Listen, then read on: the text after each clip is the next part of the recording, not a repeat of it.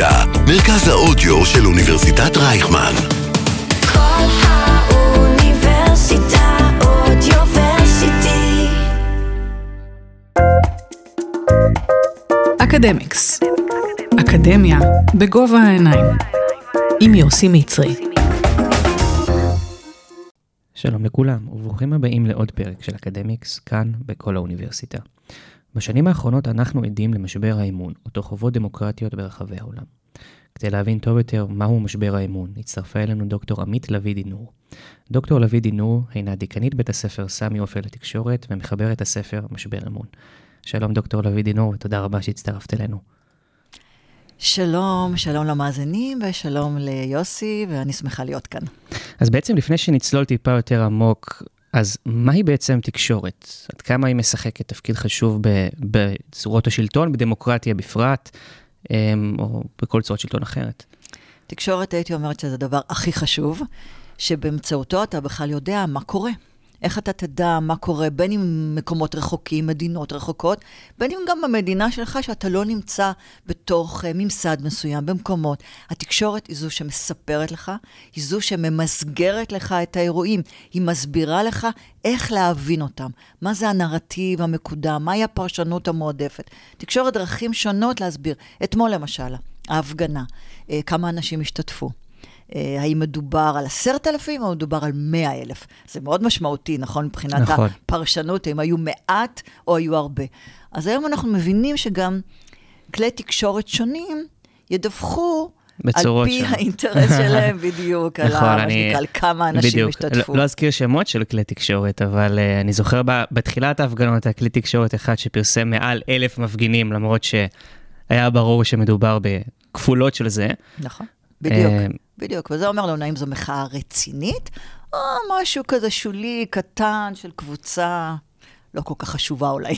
אז בעצם בתקשורת, כמה שהיא חשובה, אז בדמוקרטיה היא הרבה הרבה יותר חשובה, נכון? כי נכון. זה בעצם סוג של כלב שמירה על כל, ה, כל המערכות שיש לנו פה. בדיוק, בדיוק. התקשורת היא מאוד משמעותית. היא זו שבעצם מפקחת על הדברים, מבקרת את הדברים, מספרת לנו הציבור, מי מתנהל בצורה הנכונה, מי, מי עובר על החוק. זאת אומרת, יש המון תפקידים לתקשורת, בדיוק במדינה, ההבדל בין דמוקרטיה לבין uh, דיקטטורה, זה בדיוק במקום הזה, שהתקשורת יכולה לבקר. בדיקטטורה היא בדרך כלל שופר של השלטון, והיא אך ורק משדרת ומדווחת על מה שרוצים. ולכן התפקיד שלה הוא הזרוע הרביעית, אנחנו קוראים לה, החיונית ביותר, כדי שהדברים באמת יתנהלו על פי אמות המידה הנכונים. אז בעצם הזכרת את המילה דיקטטורה, ואני רוצה ככה לקחת את השיחה טיפה למקום, לצורות שלטון שהן לא דמוקרטיה. ואני חושב שהדוגמה הכי טובה לשילוב שבין תקשורת לדיקטטורה היא באמת אה, הנאצים הארורים וגרמניה הנאצית. אה, יוזף גייבל, שר התעמולה, שבאמת היה אחראי על כל האופרציה הזאת של, ה, של התקשורת. אז לפני שניגע בזה, אה, מהי בכלל תעמולה? תראה, זה מעניין מה שאמרת עכשיו כמובן, כי המילה אה, תעמולה, פרופגנדה, היא מילה שיש לה אסוציאציה מאוד קשה, באמת למה שנקרא משטרים חשוכים. בדרך כלל במדינות דמוקרטיות זה ככה, זה יהיה שר ההסברה, כן? שרת ההסברה במקרה הזה. אנחנו לא עושים תעמולה, עושים עלינו תעמולה. בארצות הברית, דרך אגב, קוראים לזה information center, כלומר, נותנים מידע, כי למילה תעמולה יש באמת את כל האסוציאציות החשוכות של שקרים ומניפולציות ועמדה מטעם, ולכן יש את הטובים ואת הרעים, ואנחנו רק נותנים את ההסברים ואת המידע. אה, ולכן זה גם הבדל באמת בין הזה. אז תעמולה יש לה את אותן אה, קונוטציות. אנחנו משתמשים לפעמים במושג תעמולת בחירות, כי אנחנו כן יודעים שיש פה סרטונים ומידע מטעם המפלגות השונות שרוצות לקדם את המידע שלהם או את הזווית ראייה שלהם, אבל עדיין אנחנו מעדיפים מילים שהסמנטיקה היא סמנטיקה יותר חיובית. חיובית. ופחות, כן. אז בעצם אבל, אם אני מבין נכון, כל המאבק הזה סביב התקשורת בשנים האחרונות, זה בעצם על הקו הזה של תעמולה או לא תעמולה. כי אני שומע הרבה משני הצדדים, אתה שופר של ההוא, אתה שופר של הזה. רפורמה פה, רפורמה שם. עכשיו, איך אנחנו בעצם שומרים את התקשורת כמה שיותר עצמאית ושומרת על הדמוקרטיה, כמו שאמרת מקודם? זה באמת אחד הדברים שקרו. זאת אומרת, אחד הדברים הקשים שקרו באמת לאורך השנים, זה קודם כל אנחנו מאוד חלוקים בינינו. אז אם uh, דונלד טראמפ השתמש במילה fake news לגבי CNN, ומבחינתו פוקס uh, היה true news, זאת אומרת, שם דיברו את האמת, אז ברור שהוא בחר את כלי השידור שבאמת קידם את האג'נדה שלו. אנחנו עשינו פה לא מזמן uh, כנס שקראו לו דיג'יט, בבית ספר uh, סמי עופר לתקשורת, ובא קרי, אה, שר התקשורת החדש, שעדיין לא התראיין בשום מקום, והוא התראיין אצלנו למעשה בפעם הראשונה, והדבר הראשון שהוא אמר זה שהוא רואה רק את ערוץ 14, כי ערוץ 12 ו-13 והתאגיד הם ערוצי תעמולה. הוא בעצם אמר את הכותרת הזאת בצורה מאוד ברורה. כלומר, אה, העניין הזה באמת של זווית הראייה, מי שמייצג את העמדה של אה, הציבור, הרחב, או מייצג את העמדה של הפוליטיקאי הספציפי, או במקרה הזה, מייצג את העמדה של הממשלה, שזה במקרה שלנו ערוץ 14, הוא מה שנקרא יהיה הערוץ שהוא לא תעמולה על פי שר התקשורת. אז ברור לנו שאנחנו נמצאים במציאות שהיא מאוד בעייתית, כאשר אה, עם התקשורת הממסדית יותר אפילו מואשמת בכך שהיא מבקרת את השלטון, והיא ה fake news, היא השקרנית שמוציאה מה שנקרא בעצם הכל את השקרים. קשה מאוד להתנהל במדינה דמוקרטית שכזו. מה שהדיקטטורה עושה, יש לה את הערוץ שלה, שבעצם אה, מנוכס לה על ידי השלטון, ו- והקהל והאזרחים באותה מדינה מקבלים מידע חד-צדדי, רק ממקור אחד, שהוא מקור שלטוני. אז האם תעמולה היא יכולה להיות בכיוון ההפוך? זאת אומרת, בניגוד לטענה של אה, שר התקשורת קרעי, שה... אם העיתונות או התקשורת הממסדית בעצם מבקרת את השלטון, איך זה, איך זה יכול לחשב תעמולה? תראה, היום זה מאוד מסובך להגיד מה זה התקשורת הממסדית. מה זה התקשורת הממסדית אצלנו? זאת אומרת, מה הם הערוצים? יש לנו נגיד את uh, כאן 11, שזה שידור ציבורי, ויש לנו ערוצים מסחריים, זאת אומרת... על מה אנחנו בדיוק מדברים, וכמובן, דרך אגב, כל ההתכתבות הזאת עם הרשתות החברתיות, הדברים הם כבר לא נכון. נפרדים. פעם זה היה ככה, מאיפה אתה יודע מה שאתה יודע? ראיתי בטלוויזיה. אז היה רק ערוץ אחד. מאיפה אתה יודע, או נגיד קראתי בעיתון, או שמעתי ברדיו, וזה היה מקור המידע שלך. היום ברור שמקורות המידע הם הרבה יותר מורכבים, ואנחנו בעיקר אה, צוברים הרבה מידע מהרשתות. אנחנו מבינים גם שה... המשבר הזה שאנחנו חווים כרגע הוא בכך שאין לנו מקור מידע שהוא אמין מבחינתנו. שאנחנו אומרים, אוקיי, פה זה אמת, פה זה עובדות. אם אנחנו מנסים לרסק את בית המשפט העליון כן, ולהגיד שגם שם הפסיקות שלו הן לא האחרונות והמוחלטות, אז אנחנו נמצאים במין עידן בתקופה כזאת שאנחנו לא מסכימים על האמת, ואנחנו לא מסכימים על העובדות. אז איך ננהל דיאלוג? איך נדבר בינינו אם אנחנו לא מסכימים על אותם דברים? באמת מציאות מאוד מורכבת. כרגע. בעצם הקדמת אותי טיפה בשאלות, ולפני שנגיע לזה, בעצם עולם התקשורת כיום, בחלוקה מאוד מאוד דיכוטומית וגסה, מחולק בעצם לתקשורת הממסדית ולרשתות החברתיות שככה חיות בסינרגיה אחת עם כן. השנייה. אמ, אז לפני שניגע ברשתות החברתיות, כי לדעתי זה יותר מעניין, מהי בעצם התקשורת הממסדית, מי הם, כמה כוח יש להם בכלל? אם אנחנו מדברים על הטלוויזיה, למשל, כן, כתקשורת. אז יש באמת את כאן 11, שזה שידור ציבורי, יש לנו אה, באמת אה, טלוויזיה מסחרית. היום אנחנו רואים פערים מאוד גדולים בצופים שלהם, קודם כל מבחינת גיל. תתחיל מהדבר הכי ברור מאליו, יותר ויותר אנשים צעירים מעדיפים בעצם לצפות ברשתות ולקבל משם את התכנים שלהם, ואנשים יותר מבוגרים עדיין, כן, לפי לוח משדרים, ואולי אפילו נאלצים גם לראות פרסומות. אבל יש לזה כוח, כי כל אחד מהדהד את השני. בתקשורת הממסדית אתה מראה הרבה מאוד דברים שנמצאים באינטרנט, שנמצאים ברשתות, והפוך. זאת אומרת, אם יש לך איזשהו רעיון מאוד משמעותי שאתה דיברת באחד מהערוצים, אתה גם תוכל להמשיך ולהציג את זה ברשתות, ועל ידי כך אחד בעצם מהדהד את השני. כך שיש תפקיד לתקשורת הממסדית, יש בהחלט גם תפקיד לטלוויזיה. אתה רואה גם שהפוליטיקאים באים ומתראיינים. גם יש להם כמובן את הטוויטר שלהם, ויש להם כמובן את התקשורת שהיא פחות ממסדית, אבל כן חשוב להם להעביר את המסרים גם שם. זה לא שיש מדיה חדשה שלחלוטין ביטלה את הקודמת. ובכלל, בהיסטוריה של התקשורת אנחנו רואים שהרבה פעמים באה איזושהי תקשורת חדשה, איזו מדיה חדשה, היא לא מבטלת, היא בנוסף. הטלוויזיה לא ביטלה את הקולנוע. הקולנוע עדיין אנחנו ממשיכים ללכת אליו, ואנחנו גם צופים בסדרות וסרטים בטלוויזיה. אפשר אבל להגיד שהכוחה של התקשורת הממסדית נמצא בירידה? כן. וזה השתנה גם מאוד.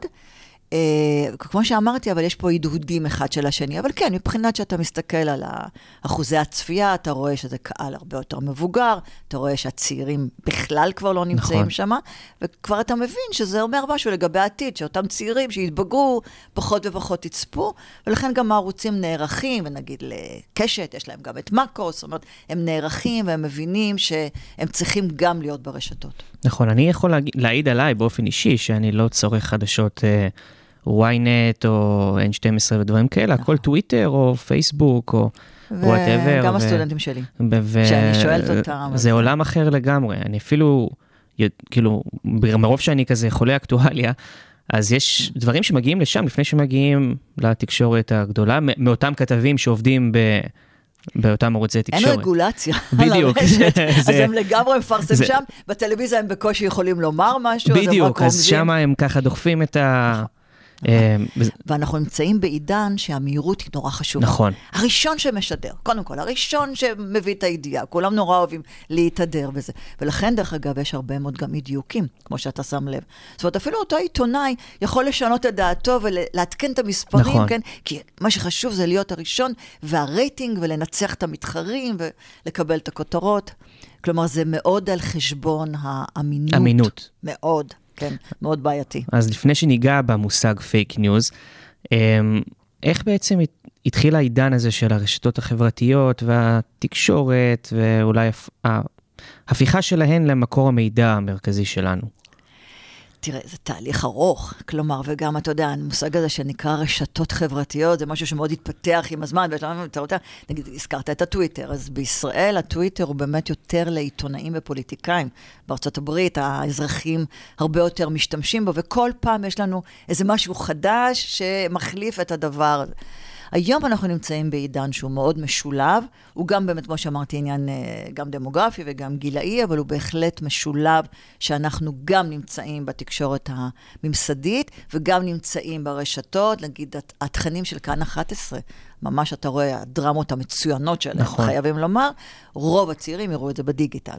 זאת אומרת, הם כן יצרכו את התוכן הזה ויראו את זה שם, ולכן העניין הזה של הרשתות, שזה דבר שגדל, ו- ו- ויותר ויותר, אתה יודע, צורכים אותו, ונמצאים שם כבר הרבה מאוד שעות, וזה גם כן כמובן איזה סוג של בעיה של התמכרות, נכון. שהיא יותר קשה, והאינסטגרם, יש לנו שיח גם על הדברים האלה, שזה מאוד מאוד מושך את העין.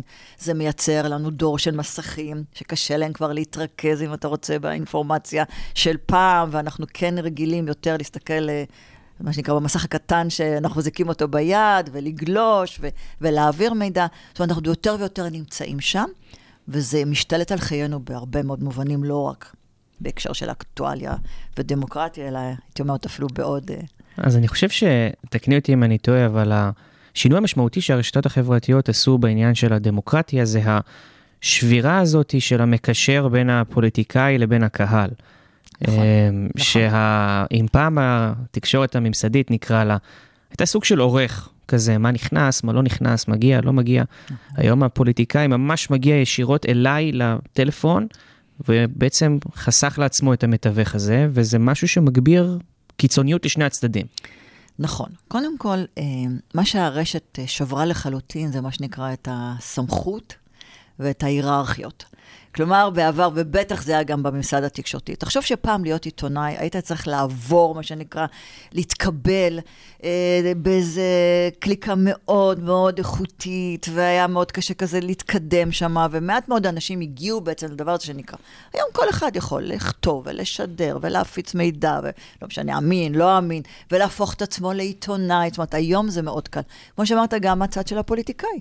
הוא לא צריך את כל המסננות האלה. הוא בעצמו מצייץ, והקהל מיד מגיב למשהו, והוא כבר לא צריך את, ה, את ההיררכיות שהיו בעבר כדי להעביר את המסרים שלו, והוא כבר מייצר לעצמו קהלים. כלומר, השבירה הזו של הרשת, גם במובן של מי זה הסמכות, אז כן, מי זה הסמכות? זה משהו שאנחנו רואים אותו, אה, הייתי אומרת, גם מבחינת המעמד של הפוליטיקאי. זאת אומרת, גם פעם אמרנו שהפוליטיקאים, כן, הם אנשים יותר מוכשרים, שאנחנו מעריכים אותם. היום גם המעמד שלהם מאוד ירד. היכולת שלי לתקשר עם ראש הממשלה, וראש הממשלה עונה לי. בעצם פשוט שבר את ההיררכיות בין האזרח הקטן לבין מי שיותר היה מעליו. אז יש לזה יתרונות ויש לזה חסרונות. זה נכון שהתקשורת היא הרבה יותר קלה ונגישה, אבל היא גם מייצרת איזה סוג של שוויון בין כולנו, ולכן גם אני יכולה להתבטא ברשת, כפי שאני מתבטאת היום, עד איזושהי רמה מאוד אה, בוטה, ואפילו, הייתי אומרת, אלימה. נכון, וזה עניין שגם מתדלק את עצמו, נראה לי. הרשתות החברתיות גם, זה מה שנותן להן את הכניסות ואת השימוש ואת הזה, זאת אומרת, נכנס- נכנסנו לאיזה מעגל שקשה מאוד לצאת ממנו.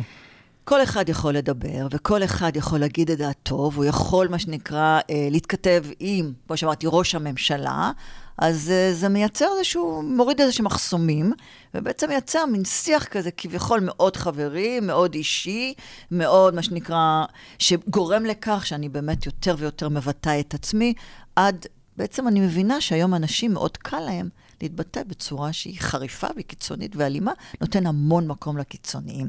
שבעבר היו מספיק מסננות, נכון. שלא כל כך שמעתי ולא כל כך ראיתי ולא כל כך נחשפתי, והיום פתאום, הקול שלהם הפך להיות משהו שהוא מאוד דומיננטי. והשאלה שלי היא, האם נכון שהתקשורת הממסדית לא מתה, ואנחנו, כמו שאמרת, באמת חיים ככה עם כל גוף תקשורת או כל רפורמה, במרכאות, שבאה עם, ה, עם הזמן, אבל השאלה היא, כשאני בתור אזרח אה, סלאש מצביע, והיום יש לי קשר ישיר לפוליטיקאי, והוא אומר משהו אחד, והעיתונאי אומר משהו אחר, או כל גוף תקשורת אומר משהו אחר. איפה פה, ה... למי אני אמור להאמין בתור מי שמצביע? תראה, אתה בדיוק נוגע באמת בעניין של המשבר אמון. משבר אמון. לחלוטין. כלומר, זה היה מאוד ברור בעבר, שמה זה להיות עיתונאי? מה זה בכלל המקצוע הזה?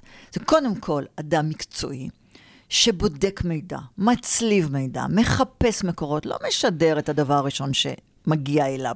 מה שדרך אגב כל אזרח יכול לעשות. זה לא התפקיד שלו, זה לא הסמכות שלו. אני כן יכולה לקבל איזה משהו בוואטסאפ ומיד להעביר את זה לחברים.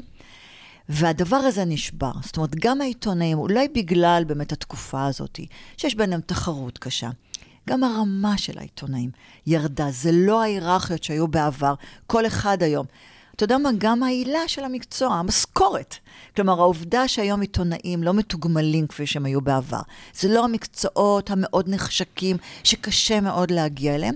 יצר איזושהי זילות במקצוע עצמו, וגרם לכך שבאמת היום אנשים מדווחים על דברים בלי שהם עברו את כל התהליך. הם לא מאוד מחויבים לאמת, הם לא מאוד מחויבים לעובדות. זה מייצר מצב שהפער בין העיתונאי לבין האזרח כבר כמעט ולא קיים. ולכן אנחנו באמת יותר ויותר נחשפים לפייק ניוז. אז בדיוק, אז נגעת בדיוק בש... בנקודה. אה, מושג שנכנס לחיינו, לפחות מה שאני זוכר מ-2016, הפייק ניוז. זה לחלוטין דונלד טראמפ, אתה אה, צודק. דונלד טראמפ. הוא פשוט הגדיר את זה. בדיוק, הגדיר את זה. משהו שהיה קיים, אבל היה קיבל קיים. איזושהי סטמפה של אה, ממש, אישור. נכון. אז מה זה בעצם פייק ניוז? דונלד טראמפ באמת הגדיר תופעה שהייתה קיימת. כלומר, במובן הזה של מה אמת ומה לא אמת, ומה שקר ומה מניפולציה. אי אפשר להגיד שהתקשורת תמיד הייתה מה שנקרא אמינה, ותמיד רק דיווחה על עובדות. היא הייתה מחויבת לדברים האלה. אלה היו ערכים. ערכים מאוד חשובים של אה, מה שנקרא, אף פעם המושג אובייקטיבי, שבעבר, כן, אה, אפיין את המקצוע, ירד. כלומר, אובייקטיבי זו מילה קשה, אבל כן מחויב לאמינות של המידע, לבדיקה ולשימוש בעובדות. והתהליך הזה זה תהליך של הרבה מאוד שנים, שלאט לאט יורד. היום אפילו הייתי אומרת שיש שיח כזה שאומר שערך האמת נעלם. פחות חשוב היום. מה אמיתי ומה לא. פעם זה היה מאוד מאוד חשוב, כלומר לחפש את האמת, כן, לדבר על העובדות. ומהרגע שדונלד טראמפ בעצם לקח והגדיר תהליך שכבר היה קיים, הוא ממש מסגר את זה והבהיר לנו ונתן לנו ככה איזושהי מסגרת מאוד ברורה, שיש אמת ויש שקר, וזה משהו מאוד נזיל, וזה משהו שקשור באמת לעמדה מסוימת, וזה משהו שהוא לא מוחלט. זה עניין של זווית ראייה. וה... כי עוד מושג שככה, בדיוק, שמתקשר, שלדעתי הוא טיפה שכלול של זה אפילו, כי פייק ניוז נורא מגדיר שחור לבן. אבל יש אה, מושג שנקרא Alternative Facts, כן. שזה ממש הופך את האירוע עצמו, שאין אין דבר כזה אמת, כי נכון. אני רואה אותו א', את רואה אותו ב', נכון. ובואי נמשיך ונתווכח על זה. תראה, יש עניין באמת פילוסופי. בדיוק. כן? שבעצם אה, כל אחד מאיתנו רואה את המציאות בצורה אחרת, וזה מאוד מורכב. למשל, אתה מסתכל עליי ואני מסתכלת עליך. אנחנו נמצאים פה באולפן, וכל אחד מאיתנו, אני רואה את הקיר שמאחוריך, ואני רואה את החלון שמאחוריך, ואני רואה את העצים. ואם אתה תשאל אותי מה הנוף שלי, אני אתן תשובה שונה ממה שאתה רואה מאחוריי. כלומר, המציאות היא באמת, והאם כרגע חם כאן או קר כאן, אה, זה באמת עניין מאוד אישי.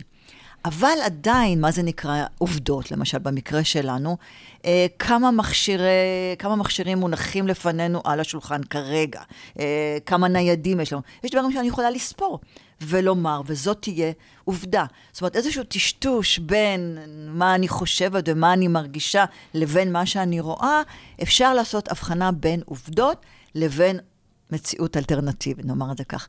היום אנחנו נמצאים במצב שהעובדות הן כבר אה, לא ברורות לא לנו. ברורות. ואנחנו לא מסכימים עליהן. פשוט לא מסכימים עליהן, נכון? כי אנחנו גרמנו לכך שאם פעם האמנו במדע, אם פעם האמנו בבית המשפט העליון ואמרנו, הוא שם את הנקודה, הוא זה שמחליט ומעליו אין יותר. אם פעם האמנתי אפילו באקדמיה, זאת אומרת, היו דברים שאמרתי, מבחינתם הם אלו שמחליטים עבורי מהם העובדות. ברגע שריסקתי כבר את הדברים האלה ואין מי שמחליט, אז כן, אז אין עובדות, ואנחנו לא מסכימים עליהן. זה תלוי בזווית הראייה שלי, זה תלוי בדעה הפוליטית שלי, זה תלוי בהמון גורמים שעליהם אנחנו יכולים גם לא להסכים. אין לנו שיח משותף, אין לנו שפה משותפת. זה מאוד בעייתי. זה מאוד בעייתי לנהל ככה דיאלוג. זה מאוד בעייתי להגיע להסכמות.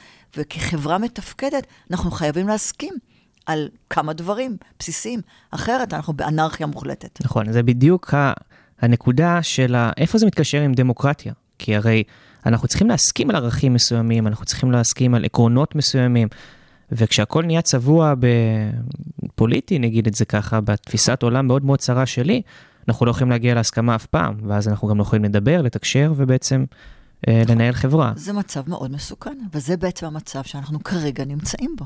ולכן כשאנחנו מדברים על המעבר מדמוקרטיה לדיקטטורה, אז אנחנו מבינים שזה לא סתם סיסמאות, כי אם אנחנו לא נשמור על הדמוקרטיה, ולא נשמור על הרשויות, ולא נש- נשמור בעצם על אותם מקומות שמבחינתנו הם מאזנים אחד את השני, ונרסק את הכל, ונהפוך את הכל לפוליטי, ואם תחליט שהפוליטיקאים הם אלו שיחליטו על הכל, כולל המוסר שלהם, כן? והם יחליטו מה צודק ומה לא צודק, והם יהוו סוג של בית משפט, אז אין דמוקרטיה. חד משמעי, אין דמוקרטיה, עברנו למשטר אחר. שהוא יותר קרוב לדיקטטורה, וזאת סכנה אמיתית. כי תמיד השתמשנו במשפט, ישראל היא המדינה הדמוקרטית היחידה במזרח התיכון. נכון. זה משפט הסברה שכולם חוזרים עליו שוב ושוב. זה כמעט נס שאנחנו דמוקרטיה. זה לא משהו שהוא כזה מובן מאליו. וצריך לשמור על הדבר הזה, כי זה נותן לנו הרבה כוח בהרבה מאוד מובנים, גם כלפי העולם שמסתכל על המזרח התיכון, ואומר, אנחנו מזדהים עם ישראל, כי ישראל בערכים שלה היא כמונו. אם נאבד את זה, בעצם המשבר האמון הזה, שאנחנו חווים אותו לדעתי בשיא, אבל גם עוד, עוד דמוקרטיות חוות את נכון. זה. האם זה משהו שהוא הסכנה הכי גדולה לדמוקרטיה באופן כללי? כל המשבר אמון הזה והצביעה של כל צד פוליטי במחנאות והקצנה? כן. זה משבר, זה, זה חשש גדול. אתה צודק שזה לא רק בישראל. תראה, בעבר אה, יש כזה מדדי אמון. המכון הישראלי לדמוקרטיה בעצם בודק את האמון של הציבור בכנסת, בפוליטיקאים, בצבא, אתה יודע. ויכולת לראות שעדיין אה, בישראל, למה אנחנו הכי מאמינים? לצבא. אבל יש ירידה. יש ירידה. אה, מה נמצא, בתש... מה שנקרא, מגרדת הרצפה? כמובן הפוליטיקאים, אנחנו הכי פחות מאמינים להם, וזה גם תהליך ארוך שנים של ירידה. אנחנו כבר לא כל כך מאמינים לתקשורת. המצב של התקשורת הוא גם בעייתי. אם בעבר ידעתי, כמו שאמרתי, על מה שידעתי בזכות התקשורת, וחשבתי גם שזו האמת וזו המציאות, ברגע שאני כבר לא מאמינה לתקשורת, אז אני בעצם לא יודעת מה האמת. ואני לא יודעת מה המציאות, ואני לא יודעת מה העובדות. אז תגיד לי אתה, איך אנחנו יכולים אה, לחיות במציאות שכזו? ואיך אנחנו יכולים בכלל לחיות כחברה, ועל מה אנחנו נסכים? עכשיו, מה שהמכון הישראלי לדמוקרטיה מראה באמת בסקרים שלו, שמשבר האמון הזה בא לידי ביטוי כל הממסדים שקיימים במדינת ישראל, במשטרה, ואתה מכיר, ואתה רואה מה קורה. זאת אומרת, אנחנו כבר לא מאמינים כמעט לשום גוף שבעבר בטחנו בו. בטחנו שהמשטרה תגן עלינו, עליי האזרח. אם אני לא בוטח במשטרה, ואני לא בוטח בבתי המשפט, ואני לא בוטחת... אז זה מצב שהוא מאוד מאוד בעייתי. ואיפה אפשר לשים את האצבע על הרגע שבו משבר האמון הזה התחיל? זאת אומרת, זה משהו שהוא כמו כדור שלג, או ש... זה תהליך ארוך, דרך אגב, וזה באמת תהליך שקרה בעולם. זה לא קרה רק כאן, זה יש את זה בעוד מדינות. והיום בכלל, מדינות דמוקרטיות זה גם כן לא דבר שהוא מובן מאליו. דמוקרטיה זה אף פעם לא משהו מובן לא מאליו. מובן מאליו. ואתה רואה באמת יותר אה, גופים ימניים, כן, יותר משתלטים. זאת אומרת, אנשים אולי רוצים, אולי צריכים באמת מין משטרים שאומרים להם מה לעשות, והכל מאוד בשחור ולבן, ולא נותנים להם יותר מדי חופש בחירה, ולא שואלים יותר מדי את דעתם. זאת אומרת, יש פה איזה מין תהליך כזה שקורה בכל המדינות, אבל בישראל זה באמת, אולי כי זה קרוב לליבנו, אז זה מפחיד אותנו אה, במיוחד. אבל יש זרמים, הייתי אומרת, זרמים שאנשים יותר נוח להם במקומות שהשחור והלבן הוא מאוד ברור, ושאומרים להם מה לעשות. אז הזכרת את היטלר, נכון? ודיברת על המשטר הנאצי.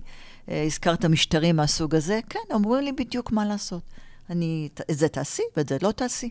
הגענו בישראל לזכויות רבות לנשים, הגענו לזכויות רבות ללהט"בים. אפשר לקחת את הדברים האלה, והמציאות תשתנה לחלוטין, והחברה עם הערכים ישתנו לחלוטין. זה יכול, זה יכול לקרות, זה החשש כמובן. אז בעצם המשבר האמון הזה, איך הוא משפיע על החברה הישראלית, לדעתך? הוא משפיע על ההתפוררות שלנו. בעצם אני מרגישה שאנחנו חברה שהיא מאוד מפוררת, יותר ויותר מתפרקת. אני רואה שיותר ויותר אנשים לא מצליחים לנהל בינם דיאלוג, יש רמת אלימות שהיא מאוד גבוהה, לא מסכימים על דברים שפעם לפחות היה קונצנזוס. זאת אומרת, ההתפרקות הזאת יכולה עוד להחריף ועוד להחמיר. אנחנו כבר רואים בימים האלה, נכון? את החוסר תיאום בינינו. אנחנו כבר רואים את המצב שאנחנו לא מצליחים לדבר ולא מצליחים להסכים. לא מצליחים להסכים על דברים שבעבר כן הסכמנו עליהם, והם היו איזשהו בסיס משותף, ויותר בשוליים היו דברים שעליהם התווכחנו. עכשיו, אם אנחנו נפרק את הכל ולא נסכים על קום, אנחנו לא נוכל לתפקד כאן כחברה. אנחנו חייבים יותר ויותר לפנות למכנה המשותף שלנו, ולא לדברים שמפלגים אותנו. לא לדברים שהם בשוליים, ועליהם אנחנו פשוט לא יכולים להסכים. אנחנו צריכים לחפש כן את המקומות שעליהם אנחנו כבני אדם בחברה שלנו, הדמוקרטית היהודית, מסכימים. האם אנחנו בסכנה שהיא טיפה יותר קשה ממדינות אחרות בגלל הצורת ממשל שלנו ושהכול, אה, את יודעת, הקואליציות מתפרקות ונופלות והממשל הוא אף פעם לא כזה יציב? אז האם אנחנו, מעבר לסכנה של המשבר אמון כלפי כל הדמוקרטיות בעולם, האם אנחנו ככה ב spotlight של הדבר הזה? זה נכון מה שאתה אומר, שאנחנו כבר הרבה מאוד שנים, בעצם אולי, אני לא יודעת אם 96, אנחנו לא מצליחים לסיים, מה שנקרא, הממשלה לא מצליחה לסיים קדנציה של ארבע שנים. אנחנו מתפרקים כל הזמן ומפרקים, ולפעמים ממשלה היא חצי שנה, והיא שנה, והיא שנה וחצי, זה תהליך של הרבה מאוד שנים. בכלל המבנה שלנו, של, אה, הייתי אומרת, שני גושים גדולים שהיו בעבר, היה הליכוד והיה מערך. הרבה מאוד שנים. אז ב-40 מנדטים, 40 מנדטים בערך. אז היו ככה שני גושים רציניים, משמעותיים, ויותר בשוליים היו גם המפלגות הבינוניות והקטנות. וכבר הרבה זמן לא מצליחים לחזור למבנה הזה. לא מצליחים, יש לנו הרבה מאוד, אה, הייתי אומרת, מפלגות קטנות, בינוניות, שהן סחטניות, והן מושכות אותנו לכל מיני כיוונים, ולכן אין לנו סוג של הסכמה. עכשיו, אנחנו רואים את העם, זה משפיע גם על העם, ומשפיע על הפילוג, וכל איזה אה, משהו שפעם קראנו לו בקצוות ובשוליים, פתאום רוצה להביע את דעתו, והיום בגלל המצב, כן, יש מפלגות שהן... הרבה יותר קיצוניות, הן הרבה יותר בשוליים, והן בתוך הקואליציה, והן יותר סוחטות, והן יותר דומיננטיות. מה יהיה עם החברה הישראלית, עם הדמוקרטית היהודית? האם יותר יהודית ופחות דמוקרטית זה תהליך שילך וישתלט? יכול להיות. ואיך אנחנו יכולים uh, להציב גבולות לתהליך הזה? יש לנו בכלל מה לעשות? אני חושבת שכרגע אתה שואל את זה בנקודה מאוד, אה, הייתי אומרת, בעייתית, בעייתית. מאוד מאוד קשה, אנחנו ממש בשיא ובהקצנה. אז כן, יש מחאות, כפי שאנחנו רואים, ואנשים מרגישים שהם חייבים לצאת מהבית, והדמוקרטיה עברה לשלב שהיא דמוקרטיה מתגוננת, והדברים הם יותר ויותר קיצוניים, ואולי משהו בהצעה של הנשיא שאומר, אנחנו חייבים לדבר.